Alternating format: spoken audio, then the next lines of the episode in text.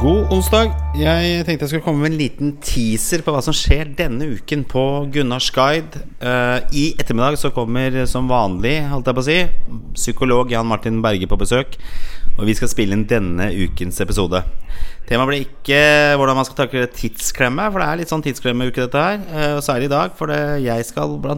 på dugnadstimer og stå kioskvakt på Haslumbanen eh, hele kveld. Så vi skal prøve å få pressa inn det mellom vanlig arbeidsdag og dugnadstimene. Eh, men det skal vi få til. Eh, ukens tema det blir tankefiltre.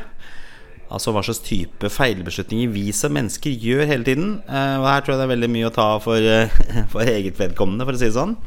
Men så skjer det mer også denne uka her. For på lørdag så skal jeg ta en prat med min gode venn og nylig debutforfatter, nemlig tingrettsdommer i Jæren tingrett, Espen Skjerven.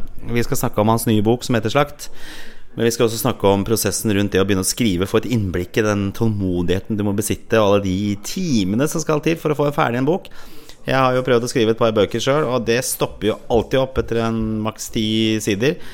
Eh, Så jeg er litt sånn forfatter wannabe, og jeg er ivrig leser. Så jeg gleder meg veldig til å høre mer om dette her. Og så vil jeg takke for alle som har sendt meg en hilsen i forbindelse med bursdagen min, som var i går.